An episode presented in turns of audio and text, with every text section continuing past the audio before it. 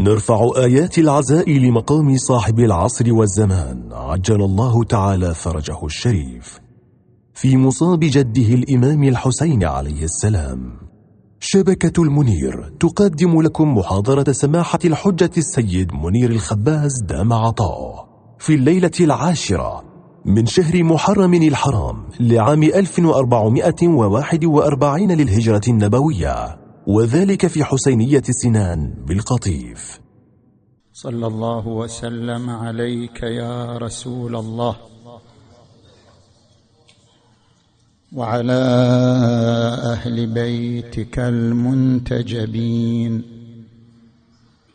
يا ليتنا كنا معكم فنفوز فوزا عظيما.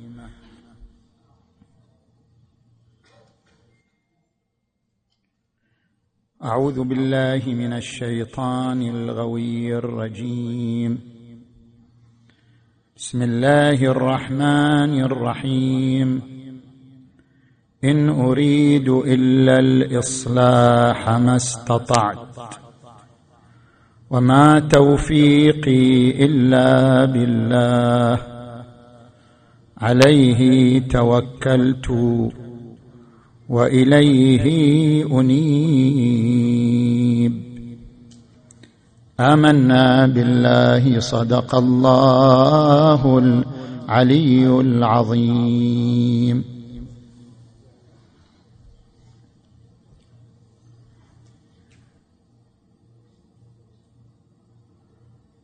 في حديثنا عن مشروع الأنبياء والمرسلين ألا وهو مشروع الإصلاح الذي تحدث عنه القرآن الكريم عن لسان النبي شعيب. إن أريد إلا الإصلاح ما استطعت وما توفيقي إلا بالله عليه توكلت وإليه أنيب. نتعرض لعدة أبعاد ومعالم للمشروع الإصلاحي المحمدي الحسيني. البعد الأول عظمة الشخصية التي تقود المشروع. فإن نجاح المشروع بنجاح الشخصية التي تقود المشروع. وعظمة المشروع بعظمة المؤهلات التي تمتلكها الشخصية الرائدة لذلك المشروع.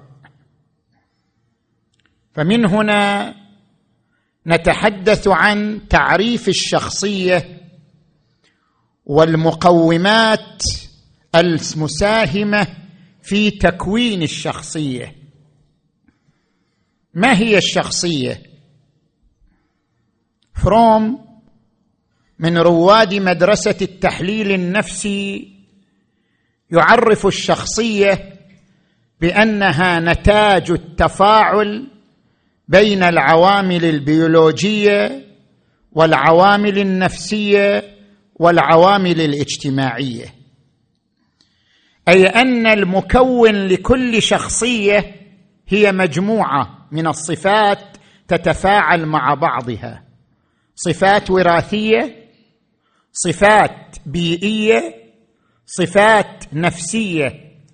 مجموع الصفات سواء كانت صفات وراثية أو مكتسبة هي التي تكون شخصية الإنسان ويعبر عنها بشخصية الإنسان. ما هي العوامل المساهمة في تحقيق الشخصية للإنسان؟ هناك عوامل ثلاثة العامل الوراثي والعامل البيئي والعامل التربوي. العامل الوراثي يؤثر أثره بشكل واضح في إعداد شخصية الإنسان. لاحظوا ما يذكره علماء النفس في هذا المجال في كل خلية من خلايا الإنسان. هناك ثلاثة وعشرون زوجا من الكروموسومات التي بتزاوجها تشكل شخصية الإنسان.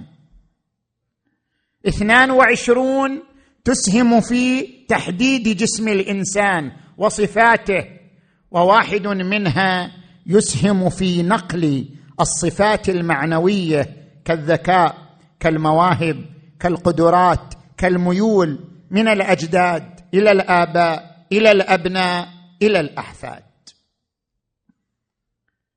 العامل الثاني وهو العامل البيئي الحاضنه التي ينطلق منها الإنسان عامل يسهم في تكوين شخصية الإنسان. البيئة التي ينطلق منها الإنسان عامل مهم في تكوين شخصية الإنسان. لكن البيئة لا تبدأ منذ الولادة. صحيح بعض علماء النفس مثل جون ريستون يقول تبدأ يبدأ تأثير البيئة منذ الولادة إلا أن الإسلام يقول يبدأ تأثير البيئة منذ اختيار الزوجة وليس منذ الولادة. العامل البيئي يبدأ خطواته ويبدأ مشواره منذ اختيار المرأة التي تكون شريكا لك في حياتك. منذ اختيار المرأة شريكها في حياتها تبدأ يبدأ البي تبدأ تأثير البيئة يفعل مفعوله. لذلك ورد عن النبي صلى الله عليه وآله اختاروا لنطفكم فإن العرق دساس وقال وإياكم وخضراء الدمن قيل ما خضراء الدمن؟ قال المرأة الحسناء في منبت السوء والعامل الثالث من عوامل تكميل وتكوين الشخصية العامل التربوي ما يلقاه في أسرته ما يلقاه في مدرسته ما يلقاه في محيط أصدقائه فإنه عامل مهم في تكوين شخصيته.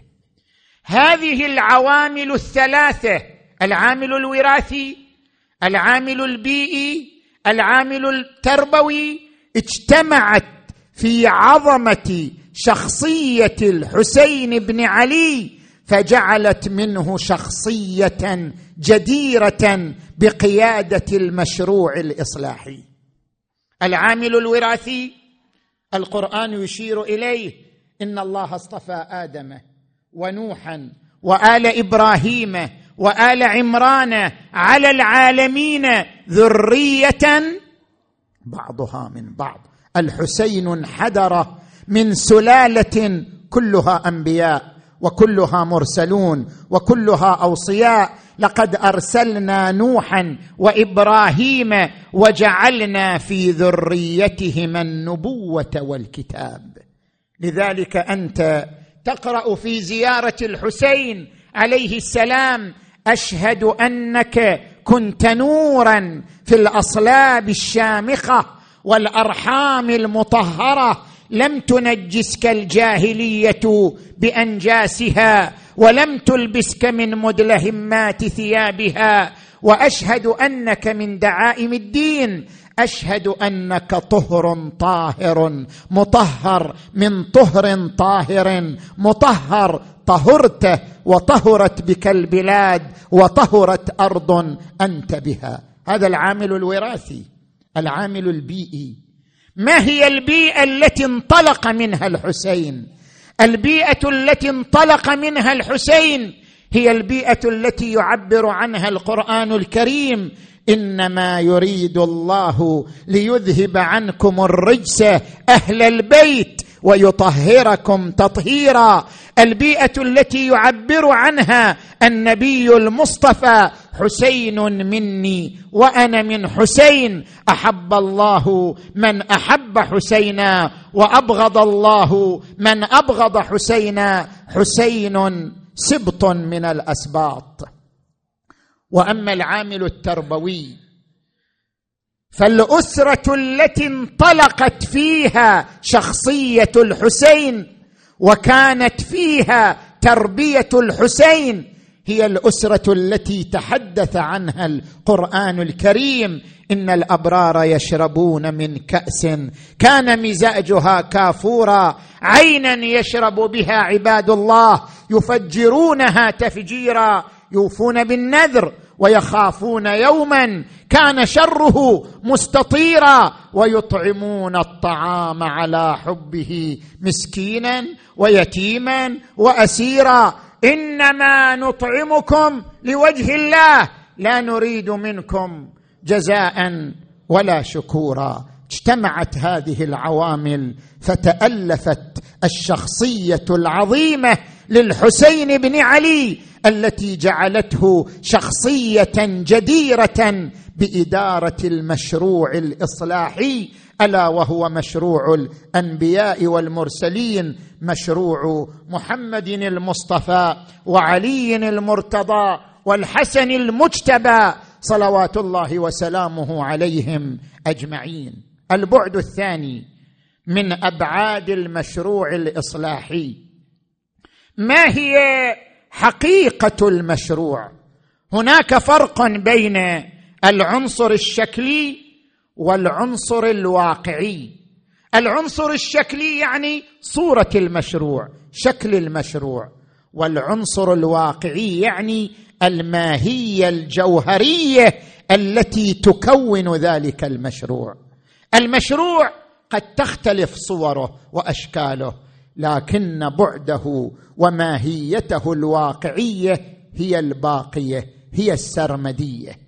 لاحظوا المشروع الإصلاحي كان حركة دعوية في عهد الرسول وصار معركة جسدية في عهد الحسين وتحول إلى ثورة روحية في عهد الإمام السجاد ثم انتقل إلى ثورة فكرية في عهد الإمامين الباقرين.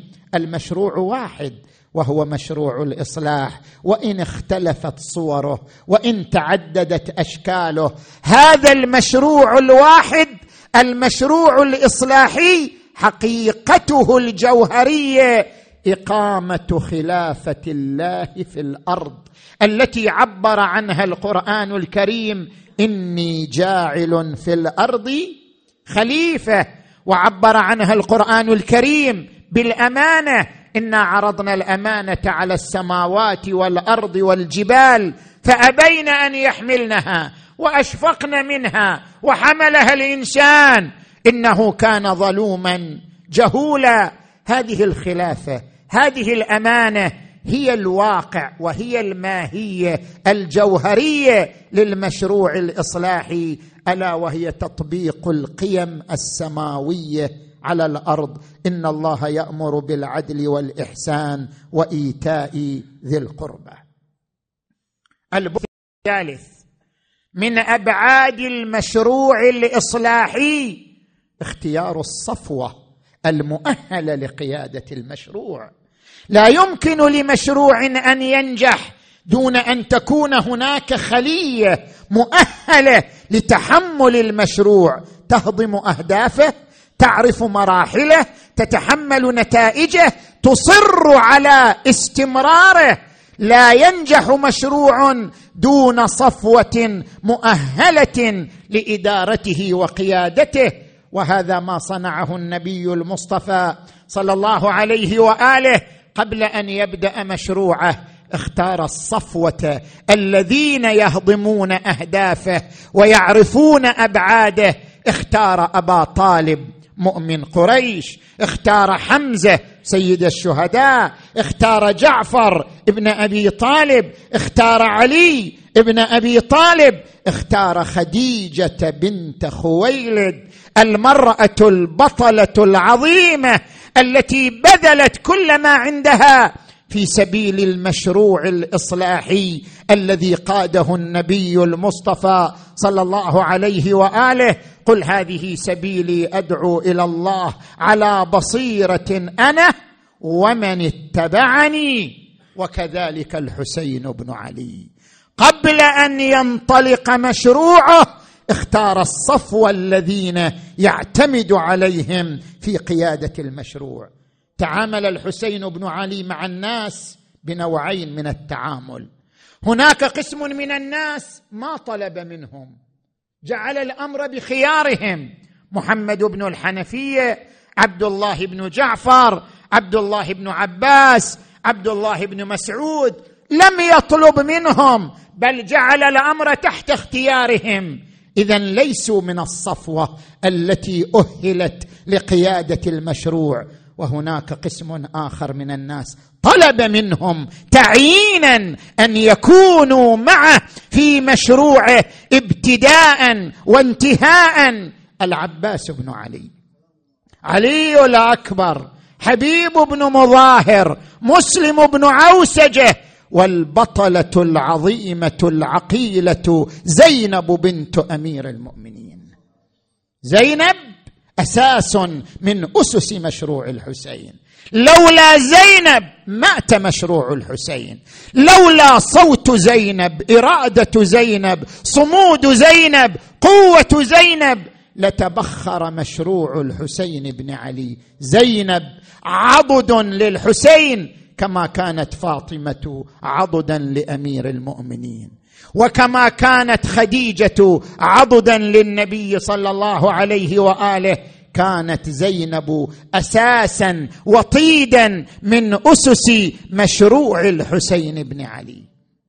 نحن جئنا هذه الليلة لنجدد البيعة للإمام الحسيني عليه السلام على أن نسير على دربه ومشروعه الاصلاحي مشروع الأمر بالمعروف والنهي عن المنكر.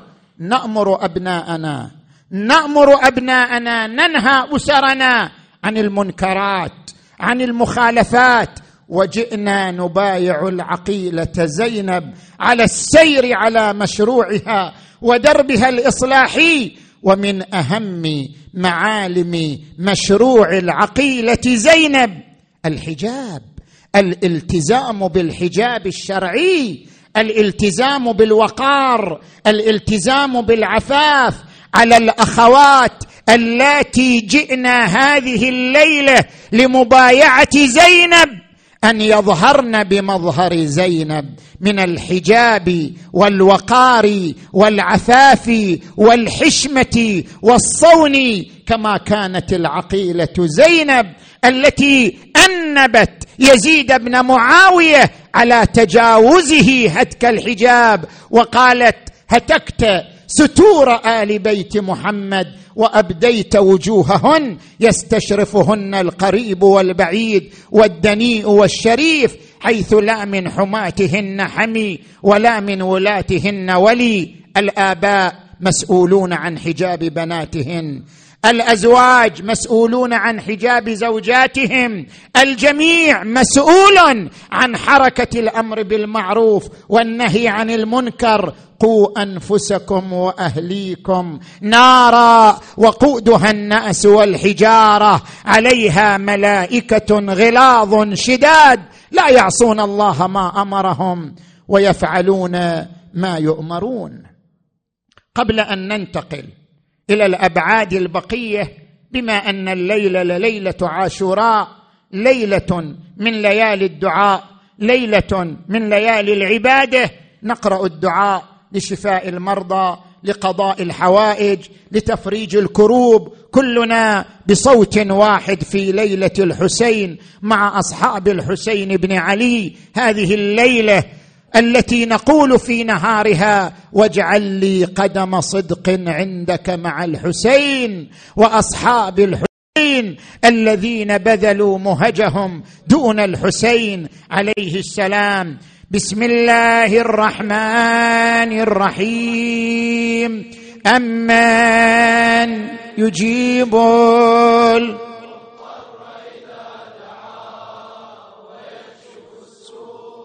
أمن يجيب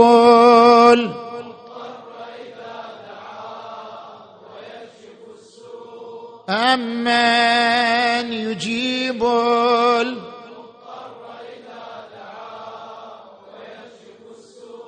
أمن يجيب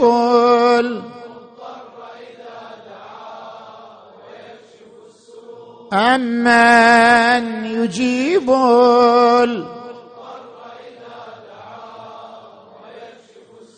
يا الله يا الله يا الله يا الله يا الله يا الله يا الله يا الله يا الله يا الله.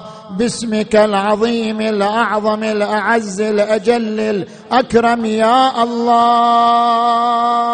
اللهم بالحسين الوجيه وجده وأبيه وأمه وأخيه والتسعة من بنيه. اغفر ذنوبنا واستر عيوبنا وكفر عنا سيئاتنا واشف مرضانا خصوصا المرضى المنظورين. واقض حوائجنا وحوائجهم وفرج همومنا واكشف غمومنا يا أرحم الراحمين. وارحم أمواتنا وأموات المؤسسين وإلى أرواح جميع الموتى.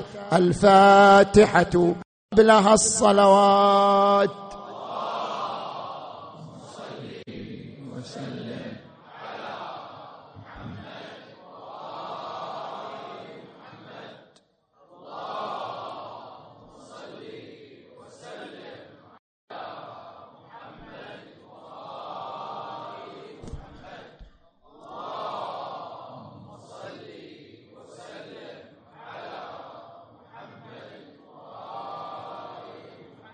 بسم الله الرحمن الرحيم.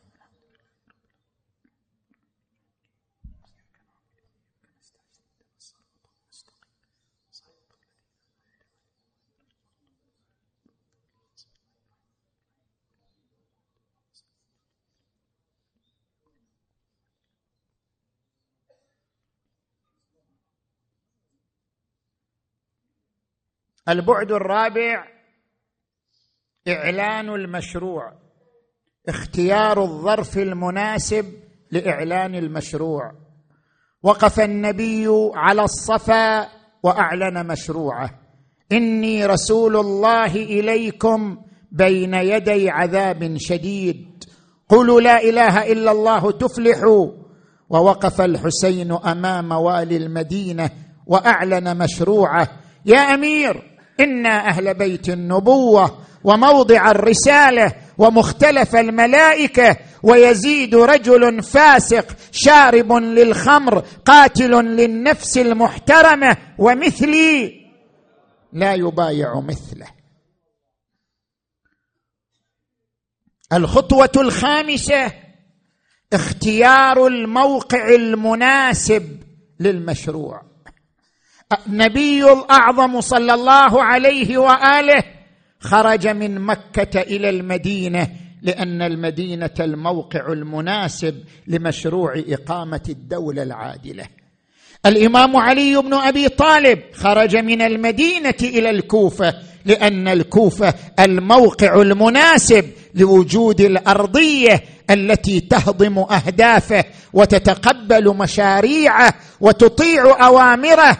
الحسين بن علي عليه السلام انطلق من المدينة إلى مكة ومن مكة أعلن موقع مشروعه الذي من خلاله سيمارس مشروعه الإصلاحي. وقف على الصفا وقال خط الموت على ولد آدم مخط القلادة على جيد الفتاة وما أولهني إلى أسلافي اشتياق يعقوب إلى يوسف وخير لي مصرع أنا لاقيه كأني بأوصالي. تقطعها عسلان الفلات بين النواويس وكربلاء فيملأن مني أكراشا جوفا وأجربة سغبا. لا محيص عن يوم خط بالقلم. رضا الله رضانا أهل البيت. نصبر على بلائه ويوفينا أجور الصابرين. الخطوة السادسة البعد السادس من أبعاد المشروع هي الأهداف العليا للمشروع. وهكذا نادى الحسين بن علي بالأهداف العليا لمشروعه الإصلاحي كما نادى بذلك جده الرسول صلى الله عليه وآله الهدف الأول قيمة العدالة. والتضحية دون قيمة العدالة. نادى الحسين بن علي. قائلا ألا ترون إلى الحق لا يعمل به؟ وإلى الباطل لا يتناهى عنه؟ ألا يرغب المؤمن في لقاء ربه؟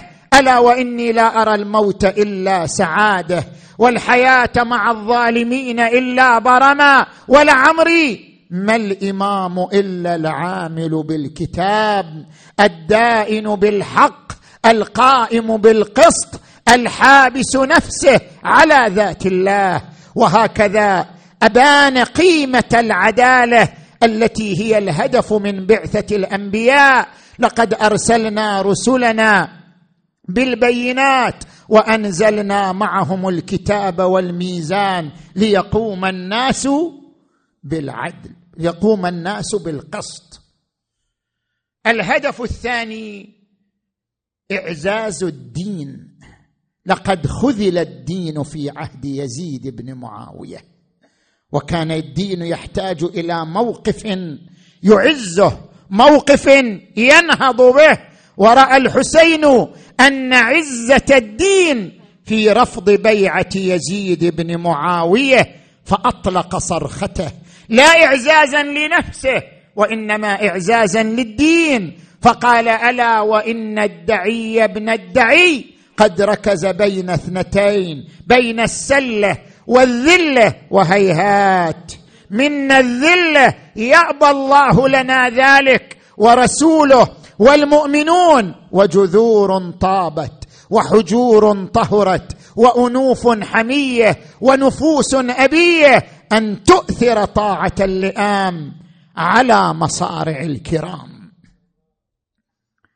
الهدف الثالث من أهداف مشروعه الإصلاحي تحرير إرادة الأمة. كانت الأمة في سبات كانت الأمة في نوم عميق كانت إرادة الأمة مخدرة كانت يقظة الأمة مغلفة فأراد الحسين أن يبعث إرادتها ويوقظ ضميرها وينهضها إلى أهدافها العليا لتتحمل مسؤوليتها فما رأى طريقا لبعث الإرادة وإيقاظ الضمير إلا أن يريق دمه الشريف في سبيل مبادئه وقيمه فكان له ما أراد وقد حذر القوم من ذلك حيث قال ألا وإني زاحف بهذه الاسره مع قلة العدد وخذلان الناصر وأيم الله لا تلبثون بعدها إلا كريثما يركب الفرس حتى تدور بكم دور الرحى وتقلق بكم قلق المحور. عهد عهده إلي أبي عن جدي رسول الله صلى الله عليه وآله فأجمعوا أمركم وشركاءكم ثم لا يكن أمركم عليكم غمة. ثم اقضوا إلي ولا تنظرون. إني توكلت على الله ربي وربكم. ما من دابة إلا هو آخذ بناصيتها. إن ربي على صراط مستقيم. وتحقق له ما أراد. فبمجرد أن أريق دمه انطلقت إرادة الأمة.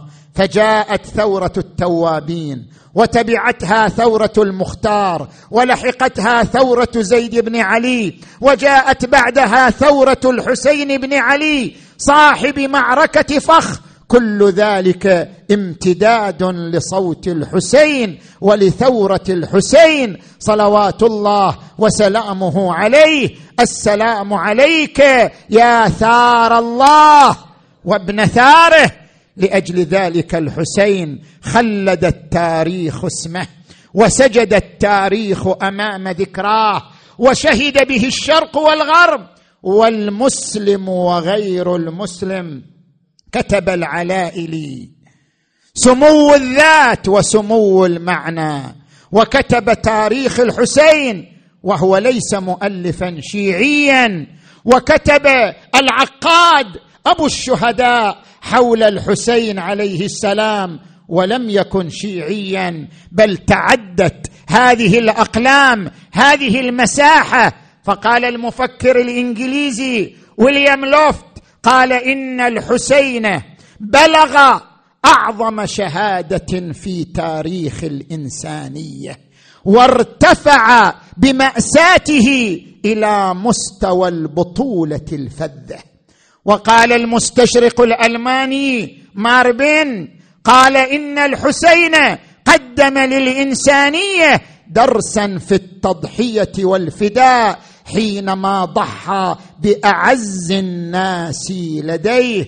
وقال المفكر المسيحي أنطوان بار لو كان لدينا الحسين لجعلنا له في كل أرض راية وأقمنا له في كل مكان منبرا ولدعونا الناس إلى المسيحية باسم الحسين. ونسب إلى الزعيم الهندي غاندي أنه قال تعلمت من الحسين أن أكون مظلوما فأنتصر. وإذا أرادت الهند النصر فعليها اقتفاء أثر الحسين. وقال الأديب المسيحي بول السلامة ملحمة كربلاء هي ملحمتي الذاتية.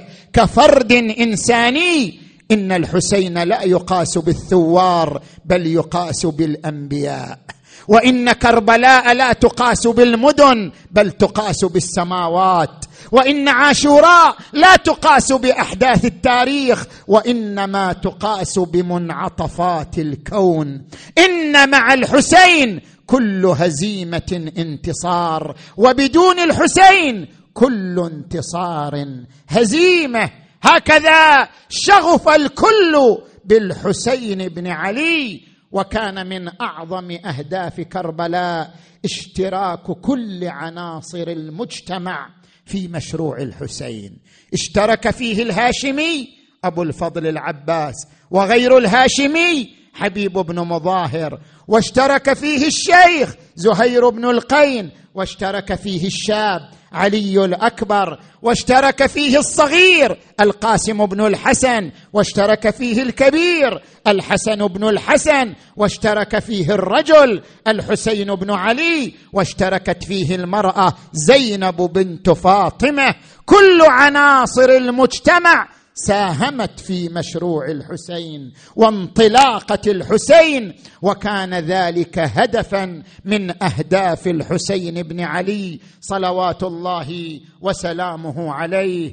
لذلك قال السيد الحلي رحمه الله غريبا ارى يا غريب الطفوف. توسد خدك كثبانها وقتلك صبرا بأيد أبوك ثناها وكسر أوثانها.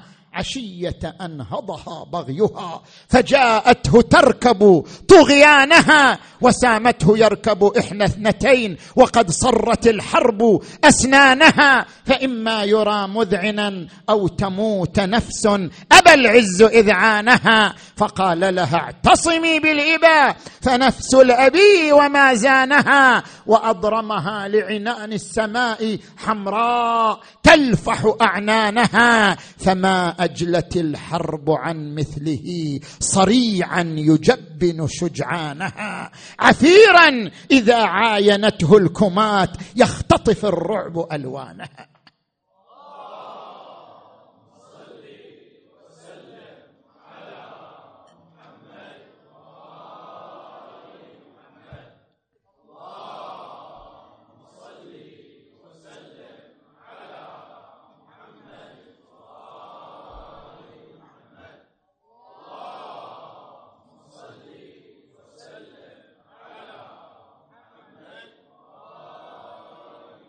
وقال الشاعر الجواهري فداء لمثواك من مضجعي. تنور بالأبلج الأروع وقال وطفت بقبرك طوف الخيال.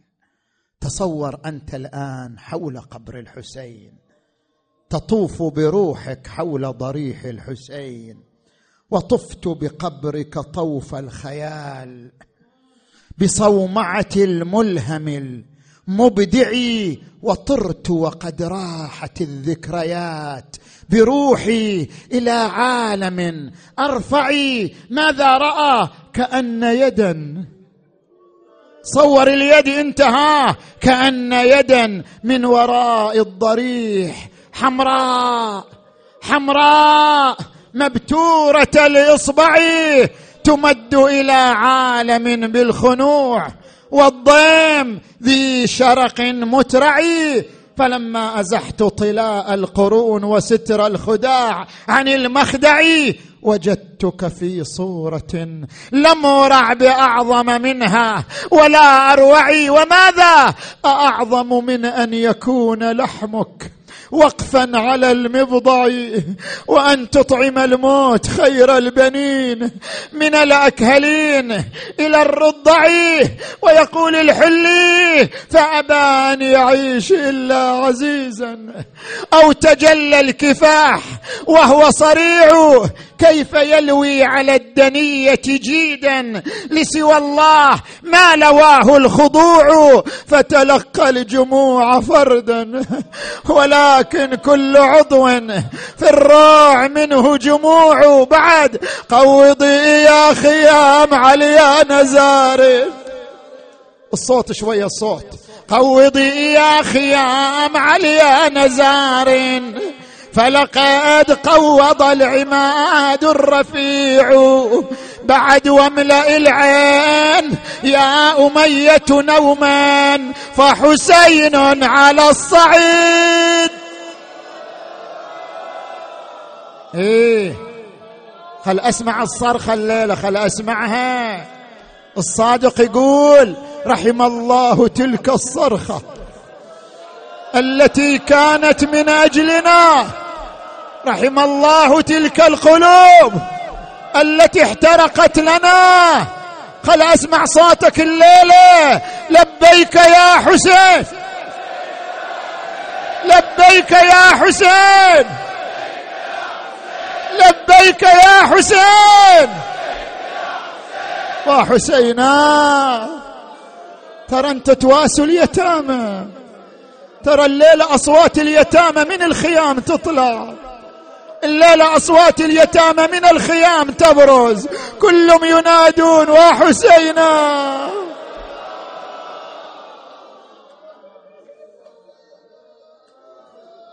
لما كانت ليلة العاشر من المحرم عظم الله أجوركم. يقول زين العابدين كنت مع عمتي زينب في الخيمة وكانت تمرضني. وإذا بي أسمع صوتا من خيمتي والدي الحسين وهو يقول في تلك الخيمة يا دار يا دار أف لك من خليلي. يا دار أف لك من خليلي. كم لك بالإشراق والأصيل وكل وكل حي سالك سبيلي وإنما المرجع للجليل فهمت كلامه خنقتني العذراء لكن عمتي زينب لم تتمالك. أقبلت إليه وقفت عليه. تناديه أخي حسين. أخي حسين أتغتصب نفسك اغتصابا؟ أتنعى نفسك بالموت؟ أخي حسين ليت الموت ليت الجبال أطبقت على السهل وليت السماء أطبقت على الأرض. اليوم مات جدي محمد المصطفى. اليوم مات أبي علي المرتضى. اليوم ماتت أمي الزهراء. اليوم مات أخي المجتبى. قال أخي تعزي بعزاء الله. اعلمي أن أهل الأرض يموتون أهل السماء لا يبقون. لقد مات جدي وهو خير مني ومات أبي وهو خير مني ومات أخي وهو خير مني. اخيه اخيه لا بد من مصرع أنا لاقيه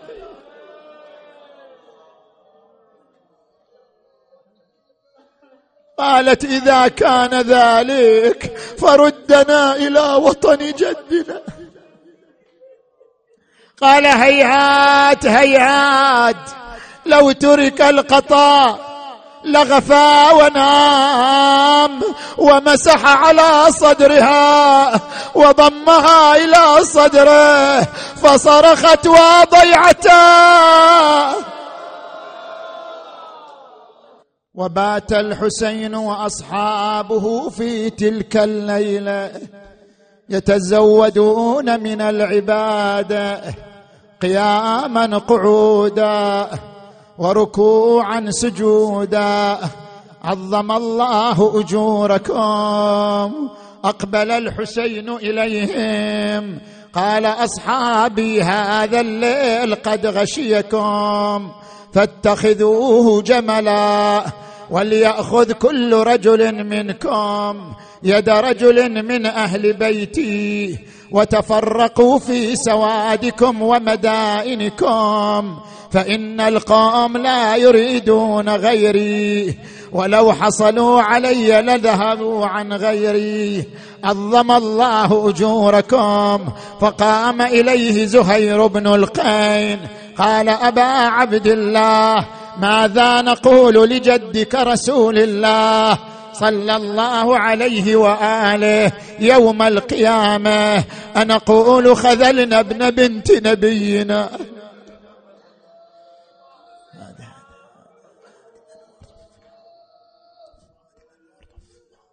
فلا جادلنا عنه بأيدينا ولا دافعنا عنه بأسيافنا. وقام إليه مسلم بن عوسجه قال والله لو أقطع ثم أنشر وأقطع ثم أنشر. سبعين مرة ما تبرأت منك ما تخليت عن نصرتك. يا أبا عبد الله.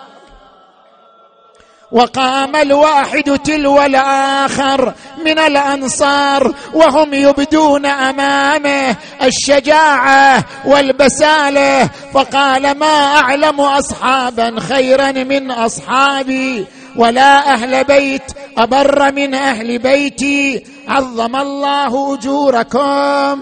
فلما طلع الصباح خرج الحسين من الخيمة فنظر إلى المعركة وإذا بالجيوش قد أحاطت به. من كل مكان يا أبا عبد الله. فلما رأى ذلك رفع بصره إلى السماء. قال اللهم أنت ثقتي في كل كرب. ورجائي في كل شدة وأنت في أنت لي في كل أمر. نزل بي ثقة وعدة كم من كرب يضعف منه الفؤاد وتقل فيه الحيلة ويخذل فيه الصديق. شكوته إليك عمن سواك ففرجته وكشفته فأنت ولي كل نعمة. عظم الله أجوركم. فلما حان وقت الضحى خرج بأبي وأمي واعظا في القوم خاطبا فيهم فلم يفد الوضع فيهم. خطب فيهم زهير بن القين فلم يجد شيئا. ومسلم بن عوسجة فلم يجد شيئا. عظم الله أجوركم. وبينما الحسين واقف وإذا بالسهام تترى كرشل وحسيناه وإماماه قال أصحابي هذه رسل القوم إليكم. قوموا بارك الله فيكم. هذه منازلكم في الجنان. عرفهم منازلهم. هذا جدي رسول الله يستقبلكم. هذا أبي أمير المؤمنين ينتظركم. هذا أخي الحسن ينتظركم. قوموا بارك الله فيكم. فهب الجميع بين يديه. لبيك لبيك أبا. لبيك لبيك أبا. لبيك لبيك يا ابن رسول. فلما جاء وقت الظهر أقبل أبو ثمامة الصيداوي قال أبا عبد الله لا أريد أن أخرج من الدنيا إلا وقد صليت معك هذه الصلاة. قال صدقت هذا أول وقتها. قولوا لهؤلاء القوم يكفوا عنا بعض الوقت حتى نصلي لربنا. عظم الله أجوركم فقالوا لهم قالوا لك ذلك. دخل الحسين في الصلاة وقف سعيد الحنفي بين يديه يحرسه ما شرع في صلاته إلا والسهام تترى عليه كرش المطار. وحسيناه وحسيناه. وسعيد يتلقى السهام تارة بصدره تارة بخاصرته تارة بساقه. ما فرغ الحسين من صلاته حتى سقط سعيد صريعا على الأرض. هل فزت يا أبا عبد الله؟ هل فزت؟ قال نعم فزت. وأنت أمامي في الجنة. هل من رسالة يا أبا عبد الله؟ قال أبلغ جدي رسول الله. عني السلام وأبلغ أبي عني السلام وقل إن الحسين وحيد. غريب. أوالي على الغريب. أوالي على الوحيد. صح ونادي وحسينا.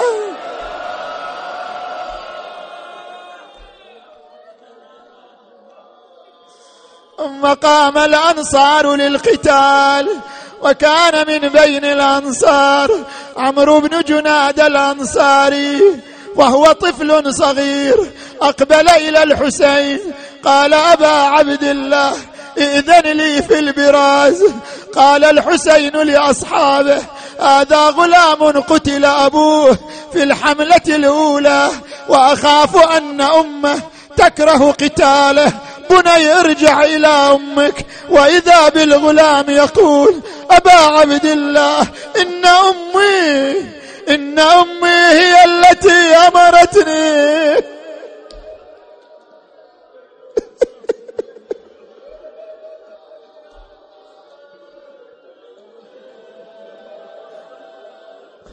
قال جزاكم الله. خيرا عن أهل بيت نبيكم.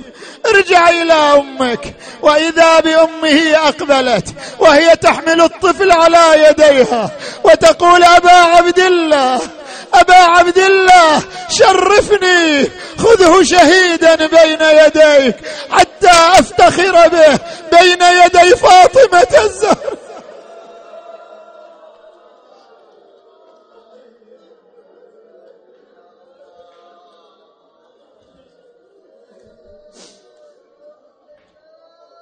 وكان من بين الأنصار وهب بن حباب الكلبي وكان حديث عهد بالزواج فلما أراد البراز تعلقت به زوجته وقالت يا وهب لا تفجعني بشبابك فالتفت إلى أمه فقالت أم لا تسمع لكلامها اخرج للقتال بين يدي أبي عبد الله خرج يقاتل حتى قطعت يده رجع إلى الخيمة.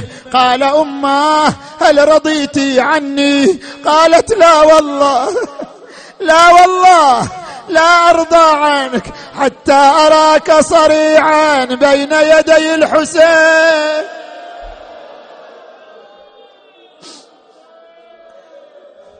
أريد أن أفتخر بك يوم القيامة مع فاطمة الزهراء.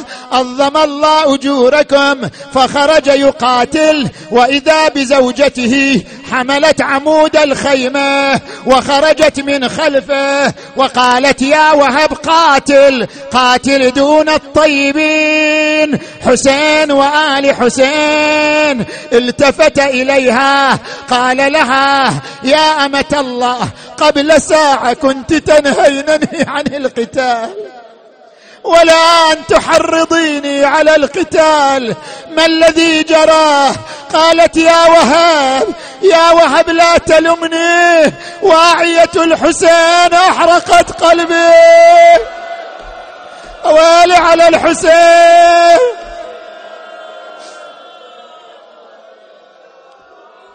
ما هي واعية الحسين؟ ماذا قال الحسين؟ قال أمام الناصر ينصرنا. أمام ذاب يذب عنا. أمام محامي يحامي عن آل بيت رسول.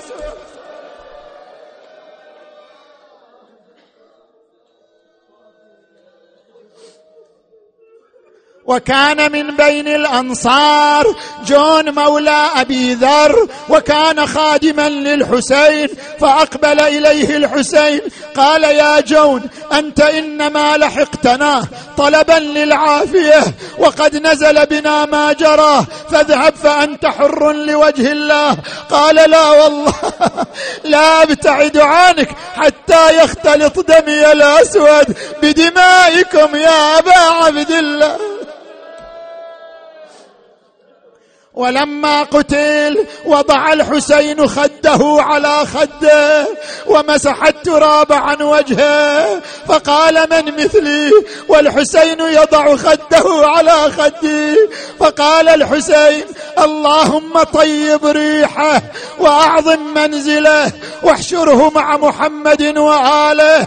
عظم الله أجوركم ثم ارتفعت الغبراء بين المخيم وبين المعركة فما هدأت الغبراء إلا والحسين وحيد. لا ناصر له ولا معين. وحسيناه وحسيناه وحسيناه. دخل خيمة بني عقيل وجدها خالية. دخل خيمة بني علي وجدها خالية. دخل خيمة بني الحسن وجدها خالية. دخل خيمة الأنصار وجدها خالية. توسط بين الخيام مناديا أمام ناصر أمام ذاب يذب عنا. ثم خرج إلى المعركة وقف على نشز من الأرض. نادى أخي عباس ولدي علي حبيبي حبيب برير زهير ما لي اناديكم فلا تجيبون وأخاطبكم فلا تسمعون أن إيام فأوقظكم أم غياب فأرتجيكم أم موتى فأبكي عليكم أحبائي لو غير الحمى. ويا ويا أحبائي لو غير عتبت ولكن ما على الموت. بالأمس كانوا معي واليوم. حسينا رجع إلى الخيمة مناديا أمام الناصر أمام معين وإذا بالصوت من داخل الخيمة عم زينب ناولين السيف والعصا ما تصنع بهما؟ قال أما العصا فأتوكأ عليها وأما السيف فأذب به عن والدي الحسين. أحرقني صوت الحسين أبكاني نداء الحسين.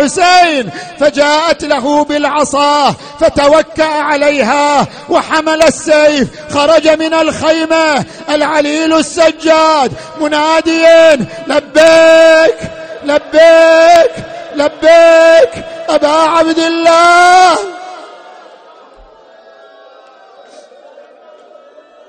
فلما نظر إليه الحسين بكى قال أخي أرجعي. أرجعيه لئلا ينقطع نسل آل محمد. أرجعته وهو يبكي. عظم الله أجوركم. ثم أقبل الحسين. قائلا أخي زينب ناوليني طفلي عبد الله الرضيع. حتى هذا الرضيع إلى نصيب. حتى هذا الطفل إلى نصيب من الشهادة. ناولين طفل عبد الله. لعل القوم يسقونه ماء فجاءت له بالطفل الرضيع وقد دلع لسانه على صدره من شدة الظما فتقدم به إلى القوم فدعا في القوم يا لله من خطب فدعا في القوم يا لله من خطب. نبئوني أأنا المذنب أم هذا الرب؟ انظروه فعليه شبه الهادي الشف لا يكن خصمكم جد له في النشأة. فاختلف القوم. هذا يقول اسقوه هذا يقول دعوه هذا يقول اقتلوه. ولا تبقوا منهم باقية. التفت عمر بن سعد إلى حرملة. قال اقطع نزاع القوم. قال بماذا؟ قال انظر إلى نحره. كأنه إبريق فضة. عظم الله أجوركم. والطفل ينتظر الماء. والطفل ينتظر الماء. وهو على يدي والديه فبينما هو كذلك وإذا بالسهم وقع في نحره. فذبحه من الأذن إلى الأذن. فشبك الطفل على رقبة والديه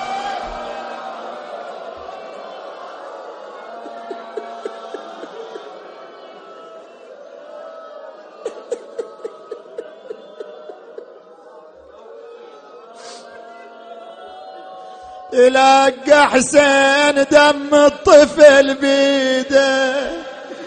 اشحال اللي يجتل بحضنه ولاده سالوا ترس جفه من وريد وذبل السما وللقاع ماخ أول ما نزل بي أنه بعين الله رجع إلى الخيمات.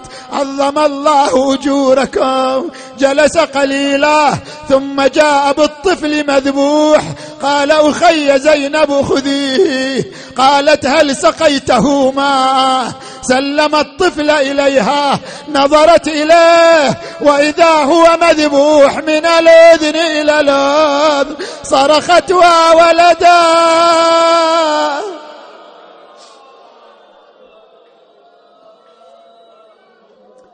ثم إن الحسين بن علي برز إلى المعركة يريد أن يستقي إلى الماء.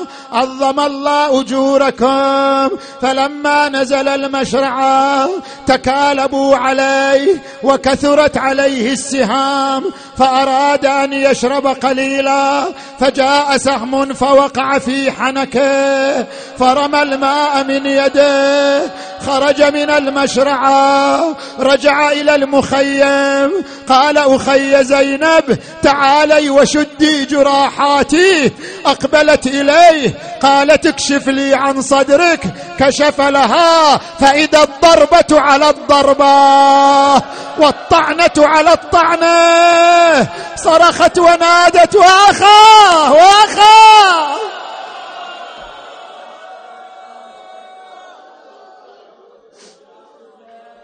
أخي حسين أي جرح أشده؟ وكلك جراح صدرك ينزف دما.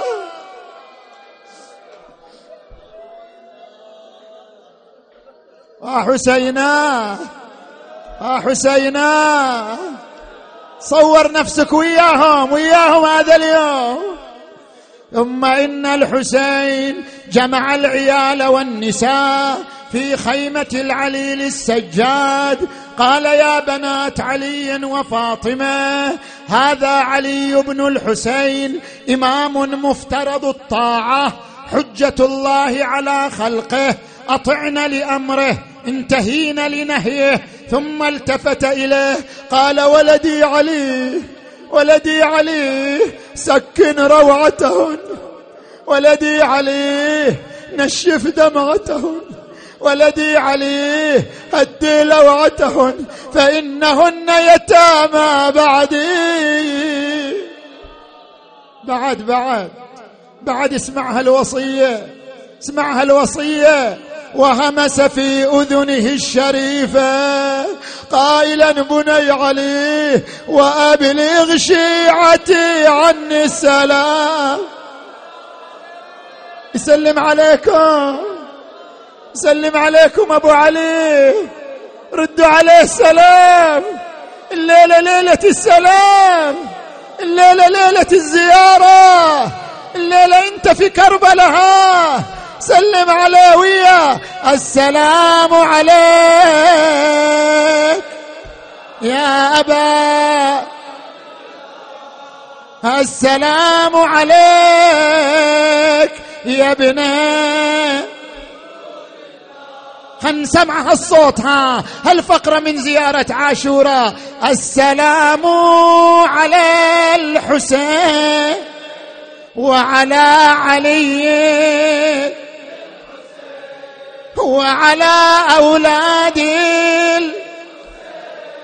وعلى أصحاب بعد مرة خلي يسمعك. السلام على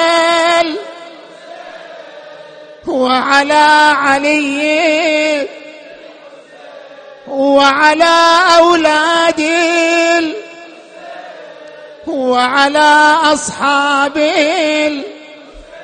يسمع من بعيد السلام على وعلى علي وعلى أولاد وعلى أصحاب عظم الله أجوركم. وإذا بالصوت يقول أجبنت يا حسين؟ وجلست في الخيمات فخرج بأبي وأمي قائلا أخي اجمعي لي عيالي وأطفالي فقد عزمت على البراز. عظم الله أجوركم جمعت العيال والأطفال. قال أخي أين حبيبتي سكينة؟ أين عزيزتي سكينة؟ أدي البنت الغالية أدي البنت العزيزة وين هي قالت بحثت عنها فلم أجدها.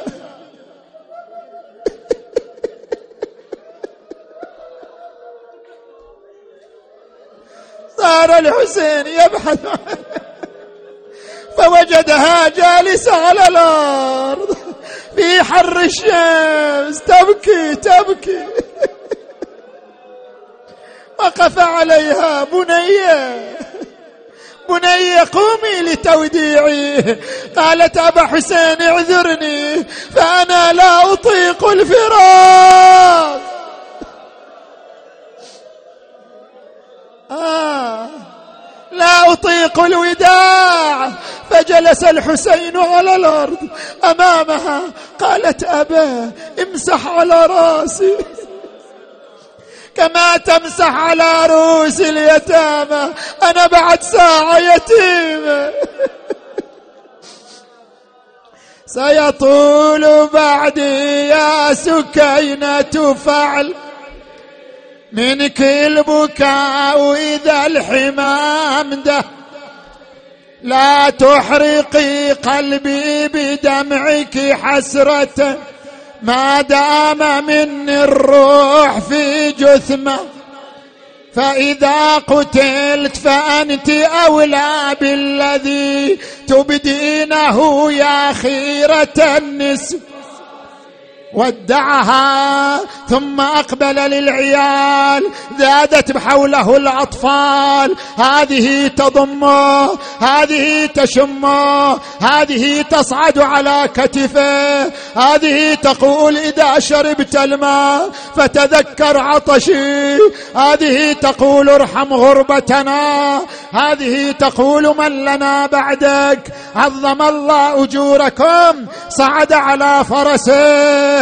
انقلب إلى المعركة وإذا بالصوت خلفه أخي حسين أخي حسين قف قليلا وقف الحسين رمى ببصره وإذا بخلفه زينب لبست ثياب أمها الزهراء يا زهراء يا زهراء يا زهراء حضرت الزهرة حضرت وياك الزهرة. الزهرة وياك الآن وياك. فلما راح الحسين ارتعش بدنه. واصفر لونه أقبل إليها. قال أخي قطعت قلبي. أخي قطعت قلبي. ذكرتيني بأمي الزهرة. ما تريدين؟ قالت اكشف لي عن صدرك ونحرك. كشف لها قبلته في صدره ونحره بعد والتفتت إلى المدينة وانت وياها السلام عليك يا أمة يا مكسورة الأضلاع. لقد أديت الأمانة قال الحسين وأي أمانة؟ قالت أوصتني أمي عند وفاتها. قالت إذا رأيت ولدي الحسين وحيدا بكربلاء فقبليه في صدره ونحره. نيابة عني قال أخي ما بال الصدر وما بال النحر؟ قالت أخي حسين. أخي حسين أنا خايفه ولا تقول ما ادري ترى أدري أدري. أنا خايفة ولا تقول ما أدري أنا خايفة ينهتك ستر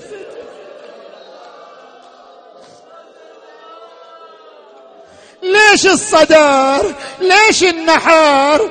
قالت أخي حسين أما الصدر فهو موطئ خيول الأعوجية. وأما النحر فهو موضع سيف الشمير أنا مناد وحسينا.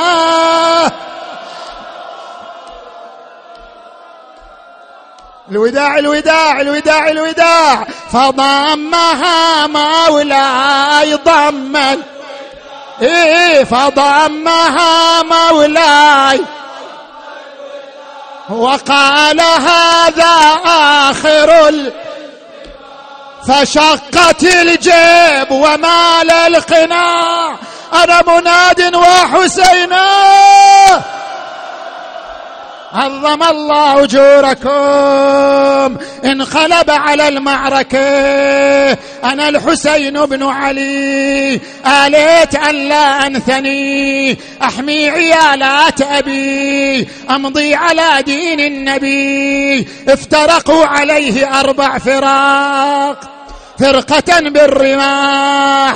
فرقة بالسهام فرقة بالسيوف فرقة بالحجارة. يا الله يا الله يا أبا عبد الله دار العسكر على حسين.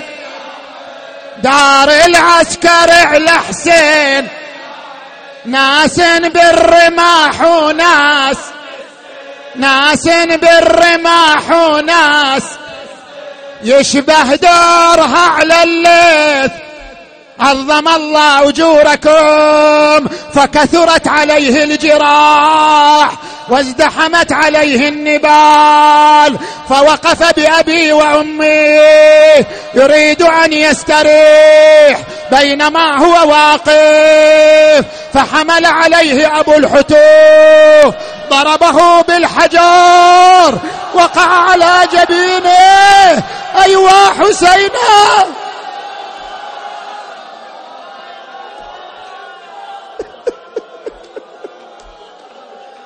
الله يساعده الله يساعده. فشخبت الدماء على لحيته فرفع ثوبه يريد أن يمسح الدم. عظم الله أجوركم فأقبل السهم المثلث. ذو ثلاث شعاب يا شيعة الحسين يا رسول الله يا رسول الله. وقع في قلب الحسين